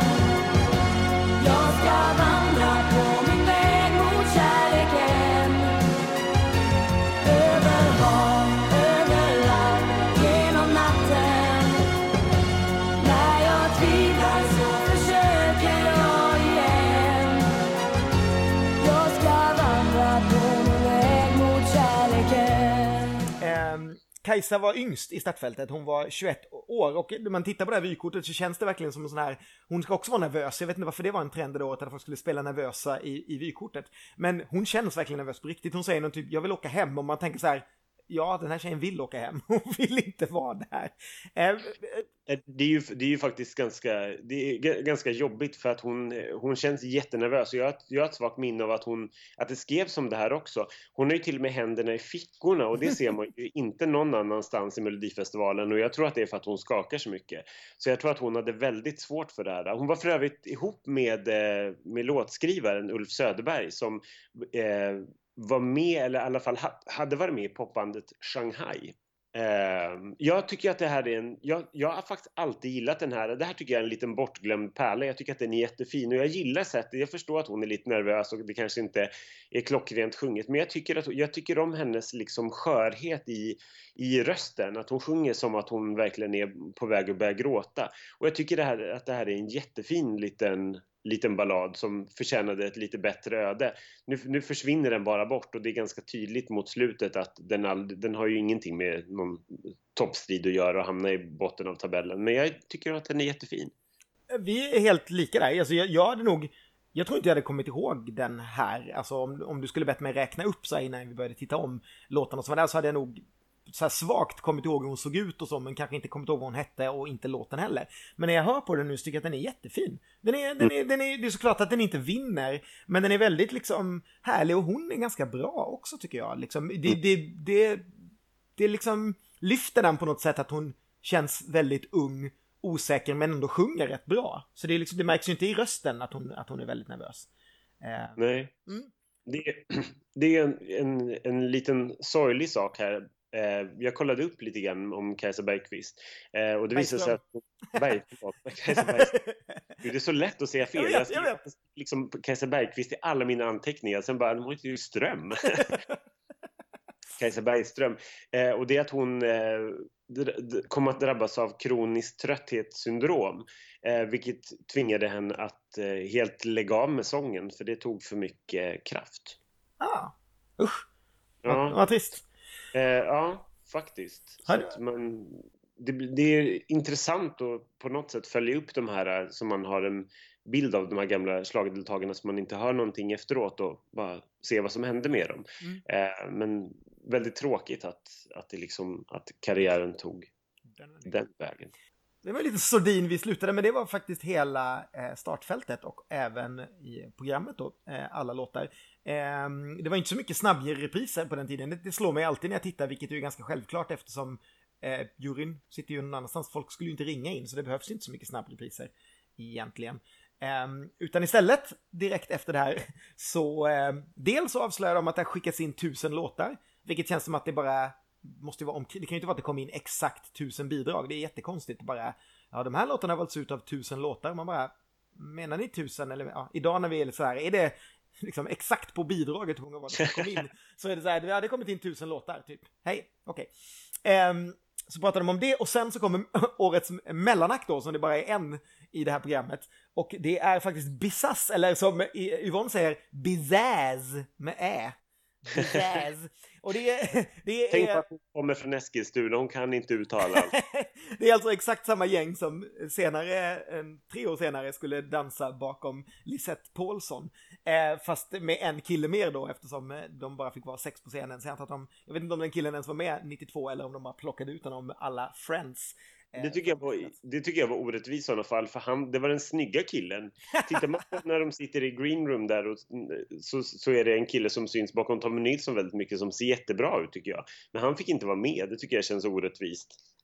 Han kanske hade blivit solo 92. Körde sin egen Ja. lilla dansgrupp. eh. Ehm, men det här är- det är ju så här, så här klassiskt otydlig mellanaktsgrej. Alltså dels den här typen av jazzdans som liksom dominerade Mello innan liksom streetdansen kom in och tog över totalt som den gjorde, har gjort på, på eh, eh 00 och 10-talet. Och dels liksom, det börjar med typ lite mellolåtar men sen går det över i bara någon så här random musik som de dansar till och det är liksom inte så här, först så trodde jag att det skulle vara så här någon sorts europeisk anknytning för någon ser lite ut som en så här stereotyp av en fransyska som kommer in men nej utan sen kommer någon kille som ser ut som att han jobbar på kontor och så dansar de lite sådär, det är väldigt, väldigt random. Det, det är verkligen ingenting så här dans till Anders Berglunds orkester ungefär bara för att vi väntar på någonting annat. Totalt meningslöst. Verkligen Ja. hämta chips, hämta chipsgrejen. Och sen efter det då, det är då som eh, det här klassiska som man kan läsa om också överallt där eh, Crispinson outar att Yvonne Ryding är gravid. Med Kjell Bergqvist antar jag. För det var de var Ja, gifta på den tiden. Ja, precis. Och när man ser det nu, alltså för det kommer jag också ihåg att det var så här mycket snack efteråt att han hade berättat det och det kan man ju inte göra i tv och gud och bla bla bla. Så känns det så otroligt skriptat liksom. För att hon säger någonting så här, ja det hör du Crispis eller ja, Jonte eller vad fan hon kallar honom då. Du hade aldrig klarat den här dansen. Vilket också är så här, nej, för att han inte dansar. Och då säger han någonting att, nej det hade ju inte du heller gjort för magen bara växer och växer eller något så här. Man bara, det är ingenting som han svarar spontant liksom. Det är jättekonstigt, det är väl klart att det stod i manus. Och sen bara, Ja. eller hur? Ja, jag, jag- vet inte. Jag, det, vi, får, vi får ringa upp Yvonne Ryding och fråga.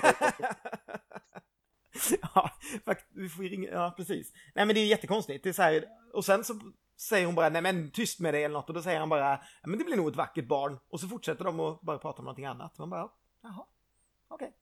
Ja, Men- jättes- Big news på den tiden. Och sen är det lite i green room de, och det är också så här, de sitter i någon liksom liten hörna på, på Globen.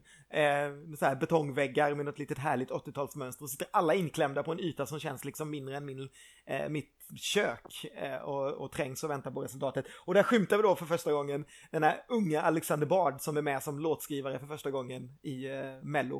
Eh, det är så himla Mm. kul att se honom. Det här var väl nu är inte det, men det här, det här måste ju varit innan om Lovers under hans Barbie-period väl ungefär? Absolut. Ja, det är väldigt roligt. Ehm, och sen- att, det, att folk röker det på den här lilla. Det står en askkopp på varje bord och under omröstningen så ser man delvis Orup sitta med en cigg i mun. Och sen så kommer det liksom rök ur munnen på Tommy Nilsson när han liksom får, får en 12-poängare. Det är jättekonstigt. Det känns så otroligt främmande idag att liksom folk satt och blossade där och bara ah, okej, ut med poängen nu då. Och sen bland sångare som ska alla sitter där och röker bara i ett så här stort mål. Det är så himla konstigt. Man ser Ja. det, ja, det är otroligt jag tänkte precis exakt på det också. Där sitter liksom just det att de filmar in Tommy och så bara puh, så kommer det ut liksom en stor rökpust i munnen på honom helt oväntat. Mm. Så här, som att han satt ute. Så himla konstigt. Ja, men sen drar helt enkelt bara omröstningen igång helt.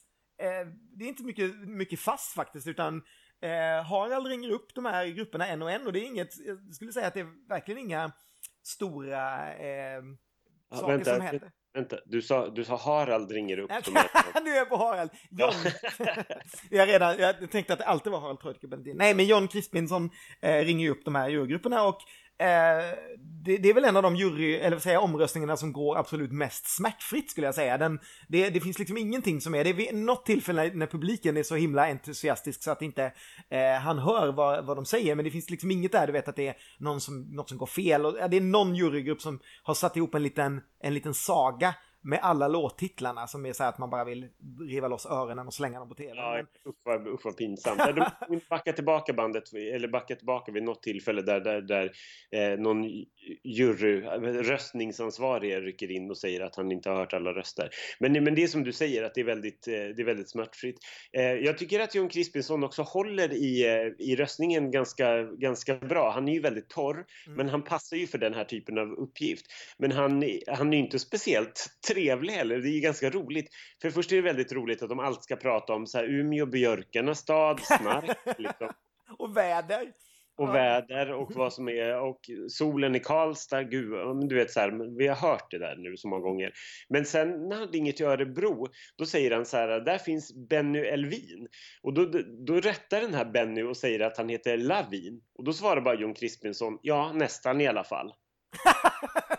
Men inte så här, oj förlåt, eller rätta till, utan så här, ja ja, men Elvin, Lavin, potato, potato, det spelar ingen roll liksom. Och bara, okej, nu fortsätter vi rösta. Det är jättelustigt. Sen måste jag säga, det, här är ju också eh, kanske en av de mest spännande omröstningarna i, i Mellos historia. Det har ju varit några stycken, men det här är ju, kvalar ju helt klart in som en av de liksom, absolut mest spännande. Eh, en dag leder ju ganska bra i början, men sen någonstans i mitten så börjar upp över mina öron eh, hosta upp sig och sen ligger de ju jäkligt tight med varandra och liksom varierar där och, och det är man, och där blir det också väldigt tydligt att det sitter ungefär 8000 och inte bara liksom några hundra i publiken för att man hör ju det här trycket som man hör idag också från publiken Mm. när, när saker händer och det, det känns liksom i sändningen att det blir eh, galet spännande, att det är verkligen liksom en rysare.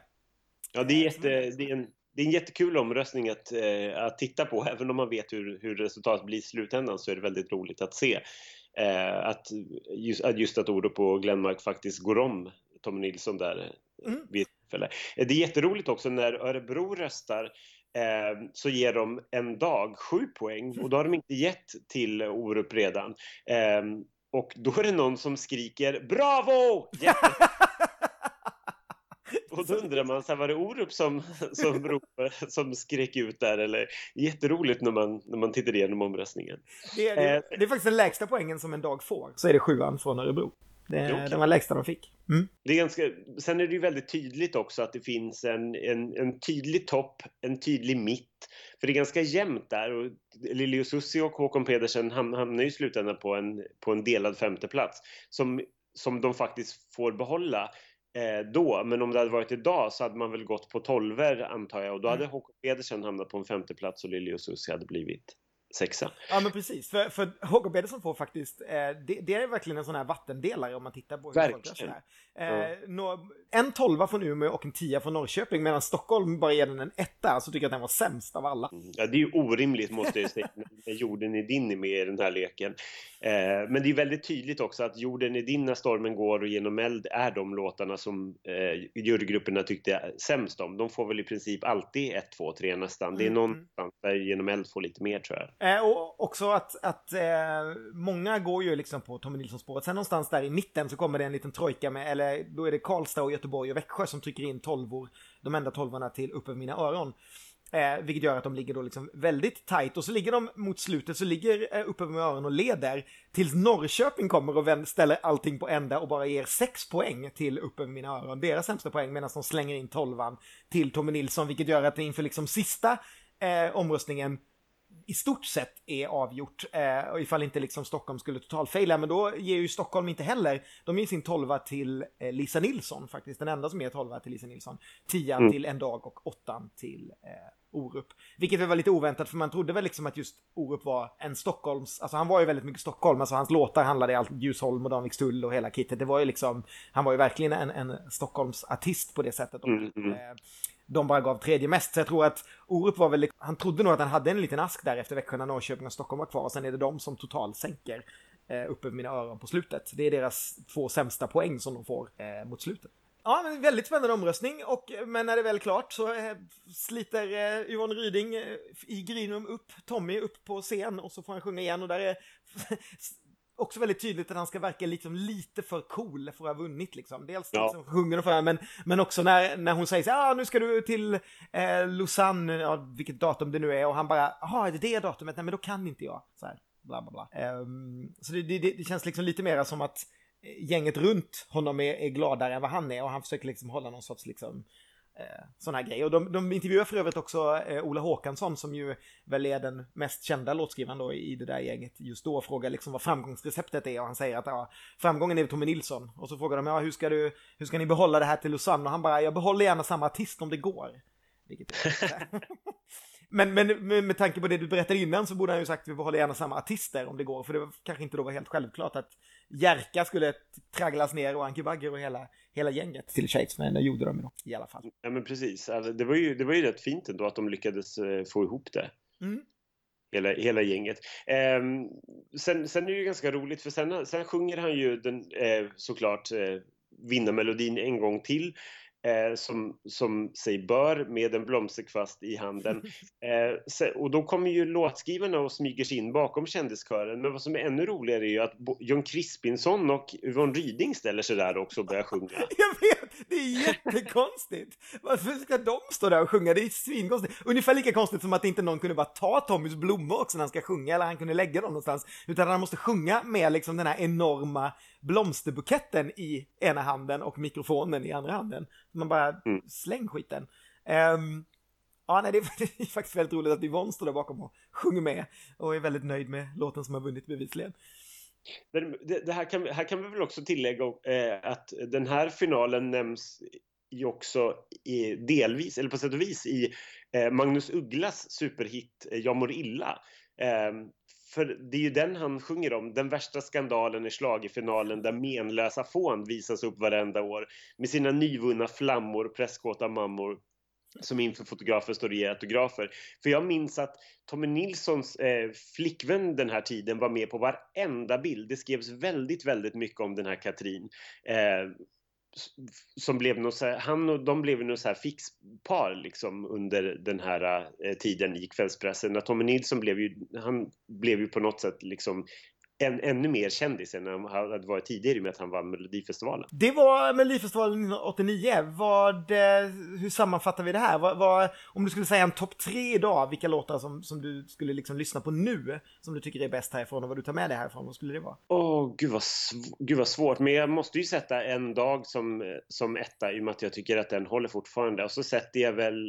Det är jättesvårt. Får, får jag göra ett undantag och säga Lili och Susie på en andra plats och sen på delad tredje plats så får det bli eh, Hakon Pedersen och Elisabeth Berg och Kajsa Bergqvist. Bergström. Bergström, gud! In i det sista så bara... Den är omöjlig att säga rätt på, jag lovar. Nej men det får du absolut göra. Jag, jag kan... Alltså, jag, jag hänger på din lista då. Jag skulle nog... ehm, jag skulle nog satt Nattens drottning före Okej Okej och sen satt Okej Okej genom eld på en delad tredje plats. Men Anna, det, det är ju bevisligen de fyra låtarna eh, som, eh, som jag fortfarande gillar. Och sen som någonstans... Eller vänta, nej, jag säger så här. Jag säger ett, En dag, självklart. Två, Nattens drottning. Och sen säger jag nog Du på tredje plats. Mm, Eh, för det är också, jag, jag gillar den. den eh, det mogna nice. valet. Ja, det mogna valet. Eh, och eh, fortfarande lite så speciellt med att inte liksom oupplåtarna längre håller. Att jag på något sätt lyssnade sönder dem när det begav sig. Mm. Men det var Kul. ganska bra, bra sammanfattning av 1989 som ju ändå går till historien som kanske är Ja, nu, det här blir ju farligt. Vi kommer inte kunna göra någon så här topplista. Eh, för det, det kommer aldrig att hålla i längden när man har gått igenom. Men det här är nog i alla fall en av de, de som jag spontant skulle nämna som de bästa. Om någon frågar mig vilka som är de så här bästa åren i Mello.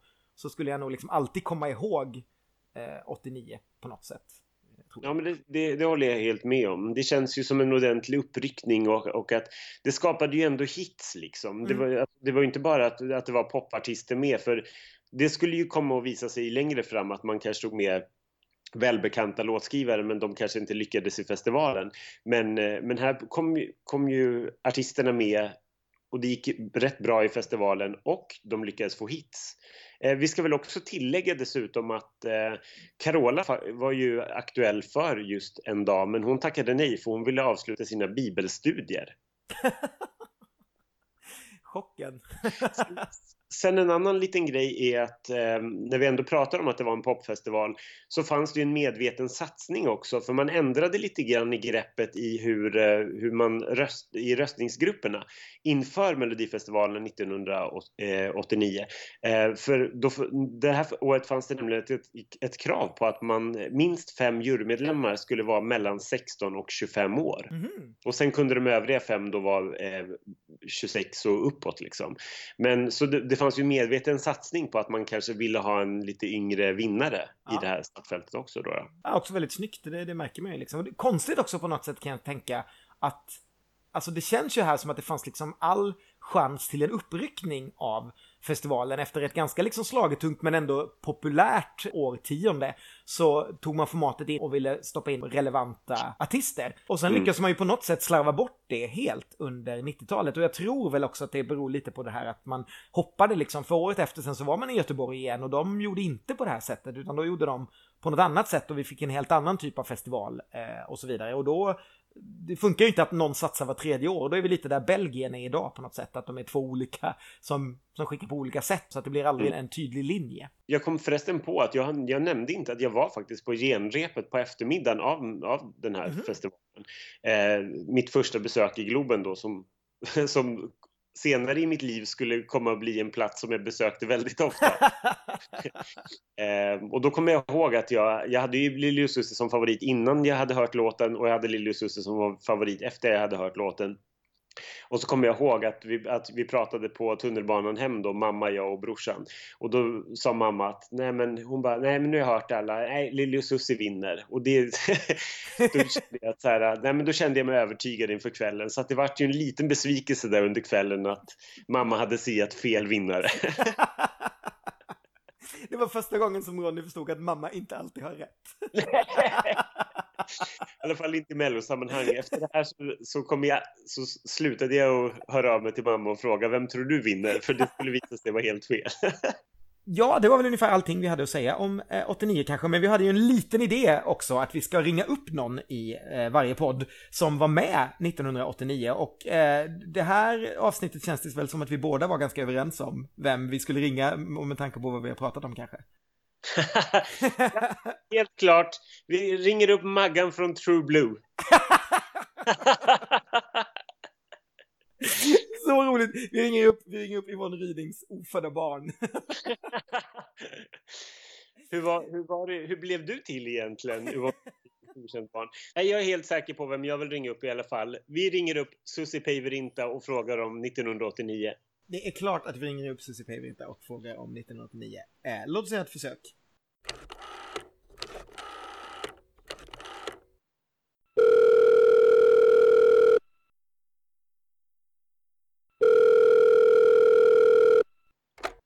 Ja, det är Susie. Hallå! Hör du mig? Nu har vi dig. Ja, vad bra. Jag, jag tänkte börja med att fråga, hur kommer det sig att ni var med i Melodifestivalen 1989? Hur var vägen dit liksom? Alltså, egentligen så har inte vi varit några direkta melloartister. Men eh, vi fick nog en förfrågan om vi ville vara med. Tror jag. Och sen hörde vi den här Okej Okej som vi tyckte var rolig. Så, det var nog inte ehm, mer än så. Vi hade ju liksom redan slagit igenom så vi såg det väl en, som en rolig... Ja, det var en helt annan sak på den tiden med liveorkester och ett program bara. Så det var en helt annan sak. Det var inte lika omfattande som det är idag liksom. Men, Nej, men eh, pre- precis. Hade ni, men ni hade inte fler låtar att välja på utan det var okej, okej eller ingen liksom? Ja, alltså jag tror att Ola de frågade om vi kunde tänka oss. Vi var lite så här, ja okej, ja, den är ju rolig liksom. Men jag tyckte ju alla att den var superstark. Men sen tyckte de att vi att det var en rätt kul grej att köra. Så det var nog mer en del i själva ah, hela cirkusen kring oss där att vi gjorde väldigt, väldigt mycket. Varför inte också Mello liksom? Ja, för, för det är ju så intressant, för ni var ju bland, alltså ni var väl liksom helt klart bland de största artisterna vi hade i Sverige då, och det var ju verkligen inte så Mello hade sett ut under 80-talet, utan det hade ju varit Skara och sådär, och just 89 kändes som ett liksom nytt break, hur, hur liksom, Ja. Ni, ja hur, hur, var det liksom det ni fick briefat innan, att i år kommer det vara lite annorlunda, eller liksom, eller var det bara så här tur att ni vi kände att var- tänkte på det, för vi turnerade så sjukt mycket. Vi var ju mycket i Japan i den, alltså 89 också och åkte. Så att jag tror faktiskt att vi såg det mer som ett gig liksom. Vi, jag tror inte vi tänkte så mycket på att det var oj, Melodifestivalen och sådär, för det var inte så superstort. Så, så där problemet var ju för oss med att vi hade velat gjort en singback eh, eftersom att vi hade en väldigt programmerad danslåt med mycket sequencers. Och det är ju fantastiskt att sjunga med liveband, men det är väldigt svårt att framföra en sån låt med tromboner och, och trumpeter. Liksom. Det, det, det var nog det svåraste. Så vi såg nog det största problemet var hur vi skulle få det att svänga. liksom på rätt sätt. Eh, så. Så att, eh, det var ju mycket lättare om man säger som Tommy Nilsson som körde en dag. Eh, Den passar ju fantastiskt bra med liveband. Mm. Men det gjorde inte okej okej. Nej. Hur, kände, hur känner du så här i efterhand? Hur tyckte du att det blev? Ah, sådär, det låter inte så jättebra. Jag lyssnar ju hellre på liksom eh, eh, skiv, alltså singeln, om man säger så, än liveupptagningen. Mm. Eh, men, men jag tyckte det var kul. Uh, jo, det var en uh, litet äventyr. Vad minns du liksom från kvällen? Alltså från hela... Jag minns att vi funderade på att dra.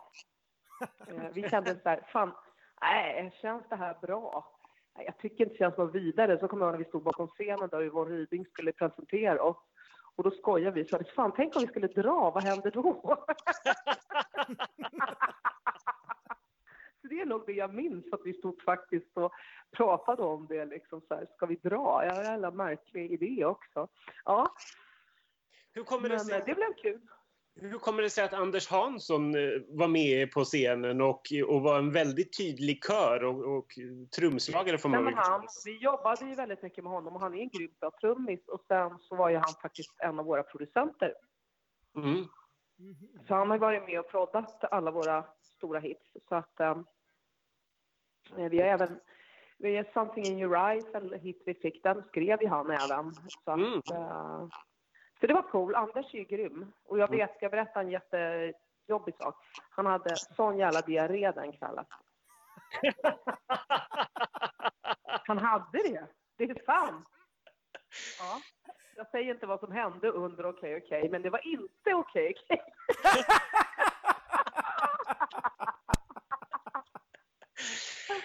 Gud vad, Ja. där ser man. Du, hur tänkte ja, ni kring... det var faktiskt ett, eh, en, en, en, någonting som vi tror aldrig har berättat. Ja. Det är det vi är Mm. ute efter lite grann, lite historier Ja, som precis. aldrig hört tidigare. Hur tänkte ni kring stylingen, kring det här spanska temat? Vem kom på det? Ja, det, jag undrar om det inte var någon... Då jobbade vi med någon stylist, kommer jag ihåg, som, som nu ligger väldigt nära Peter Englunds kontor på Drottninggatan. Och jag kommer inte ihåg vad hon het- heter. Men det var nog, undrar, det måste ha varit hennes idé. För jag vet egentligen inte kopplingen varför det skulle vara spanskt. Okej. Jag kan inte komma på varför. Om det kanske var så att vi tyckte det var skitsnyggt med, som, med de här... Jag kommer ihåg att jag var inne på ganska mycket så bolerojackor och alltså till mina tights och sådär. Och syrran, vi gillade de här typen av kjolarna. Det kan ju varit någonting att vi hade någon idé på det. Mm. Men jag undrar om inte det var hennes idé. Okej. Annars så tycker jag väl inte att kopplingen är jättestark där, spanskt och okej okej. Men men. men. Du, om vi till, vi, när vi tittar på den här sändningen så eh, såg vi under omröstningen i Green Room att det var en askkopp på varje bord och alla satt och rökte. Mm. Upplevde ni det konstigt då eller var det liksom så här, det var så naturligt att alla gjorde det på den tiden? Ja, det var naturligt, men jag har alltid stört mig på det, för jag tycker att eh, det är jobbigt, alltså sångmässigt sett. eh, Så har jag alltid tyckt att rök i alla former är jobbigt. Jag tyckte även att den här kolsyreröken man spydde ut på scenen på 80 och 90-talet var jättejobbig. Eh, Mm. För att jag tycker man, man blev liksom sämre i, i stämbanden av det när man sjöng. Så att, ja, jag tyckte det var ofräscht. Jag, jag och syrran tyckte alltid att det var ofräscht med att alla rökte. Mm. Vil- Vilken var din favorit det här året av de andra låtarna? Hade du någon som du kommer ihåg som stack ut? Ja, men det var väl, eh, vilka var det? Var det upp över mina öron någonting och sen var ju en dag och sen var det ju Hakon Pedersen, Nattens drottning va? Och Ja, precis. vilka var det mer? Nej men jag tycker en dag tycker jag var en bra låt. Alltså det där, allt som jag känner. Alltså så jävla skön med Tommy Nilsson där, svetsen med hans röst där. Och så var det kul med Anke och Jerry Williams och alla som stod i kören kommer jag ihåg. Mm. Eh, det var ju roligt. Och så. Men, jag, jag, men jag tyckte nog Glenmark-låten är bra. Vilken var det av den? Var det upp? Uppe i mina öron ja. Mm. Ja, den är bra. Sen kommer jag ihåg att det var någon tjej som var så besviken som det inte gick så bra för, som satt och grät så stort där i, bakom scenen. Oj, undrar vem det var. Katrin Olsson eller Kajsa Bergstr- Bergström?